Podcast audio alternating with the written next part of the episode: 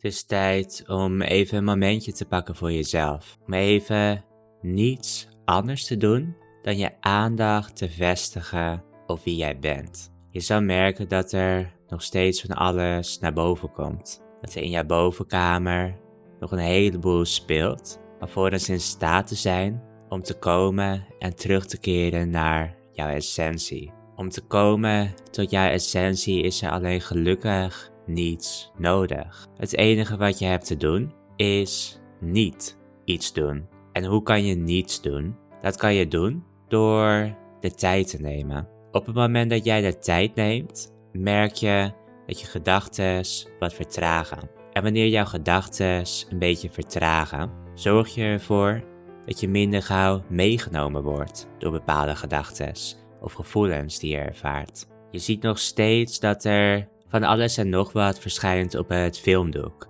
waarbij het filmdoek jouw innerlijke belevingswereld vertegenwoordigt. Ik spreek alleen maar van innerlijke belevingswereld, omdat non-duaal bekeken de uiterlijke en jouw innerlijke wereld één zijn. De buitenwereld vindt plaats in jouw innerlijke wereld. Met dat in je achterhoofd kan je dus de complete wereld, jouw wereld, waarnemen. Wanneer je niet in staat blijkt te zijn om iets waar te nemen wat op het filmdoek verschijnt, dan ga je geloven dat je het filmdoek bent. En je kan je voorstellen dat wanneer je gelooft dat je dat filmdoek bent, dat je kan verzuipen in de gevoelens die je ervaart. Of helemaal gek kan worden van de onophoudelijke gedachtenstroom die tot je komt. Ondanks dat de vergelijking van het filmdoek, die jouw wereld, oftewel het bekende, representeert, voor veel mensen tot de verbeelding spreekt, kan het nog altijd lastig zijn om alleen maar te kijken naar de film die wordt afgespeeld. Alleen degene die dit als lastig ervaart, verschijnt nog altijd op het filmdoek. Zelfs degene die inziet dat je als toeschouwer kan kijken naar die film, verschijnt ook op het filmdoek. Je zit dus in feite opgesloten in, noem het maar even de matrix. Oftewel de stoffelijke wereld, waarbij je aan sommige verschijningsvormen de behoefte voelt om je aan vast te klampen. En dat geeft je in elk geval nog enige houvast. Wanneer dit ook maar even wegvalt, is je mind direct weer in staat om aan iets anders vast te gaan houden. Oude concepten worden zo ingewisseld voor nieuwe concepten. Je laat je al door meevoeren door de veranderlijke stroom die plaatsvindt. En wanneer je je bevindt in een nare, vervelende, sombere stroom, geeft dat een bepaalde zwaarte.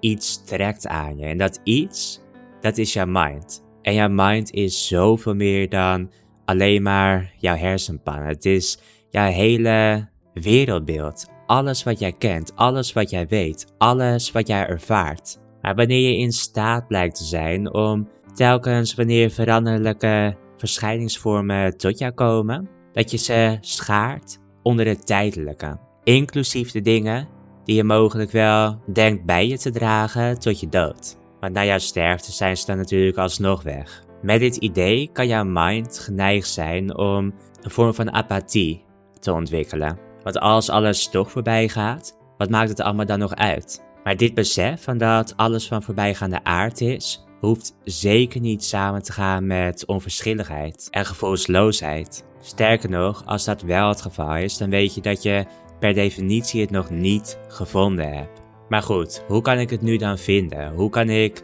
komen tot de waarheid? Hoe kan ik dit openbaren? Nou, je kan je voorstellen dat wanneer je gaat spreken over de ultieme waarheid, dat je daarmee misschien ook een bepaalde afstand creëert. Dat je het idee kan krijgen dat je misschien nog iets te doen hebt om die waarheid tot je te laten komen. Alleen het hele gegeven is dat je het aldoor met je meedraagt. En juist omdat je het aldoor meedraagt, zie je het compleet over het hoofd. Het is in feite een gigantische existentiële blinde vlek. En die blinde vlek die wordt in stand gehouden wanneer je het idee hebt dat je je mind misschien slimmer af moet zijn. Dat je misschien nog scherper moet worden. Dat je je bewustzijn verder moet ontwikkelen. Of allerlei andere ideeën en overtuigingen die je hebt rondom ontwaking. Alleen ontwaking, verlichting, de realisatie, verlossing, nirvana, Deze termen die doelen maar op één ding, namelijk het herontdekken van het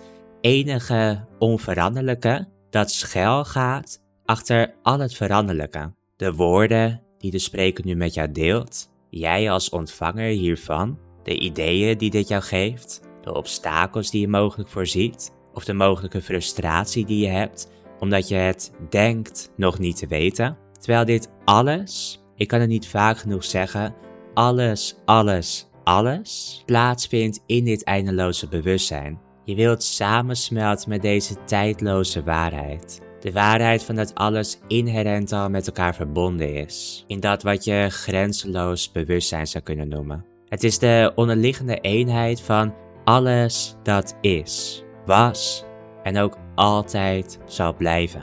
Ongeacht of je je wel of niet identificeert met de gedachten, gevoelens, percepties en sensaties die ontstaan op jouw filmdoek. En wanneer je onbevangen opstelt, oftewel dat je je niet laat leiden door de ideeën die al op het filmdoek verschijnen, in jouw zoektocht naar wie jij in essentie bent, dan kan je hier en nu komen tot ongebondenheid met dit filmdoek, waarop slechts veelvormige illusies verschijnen.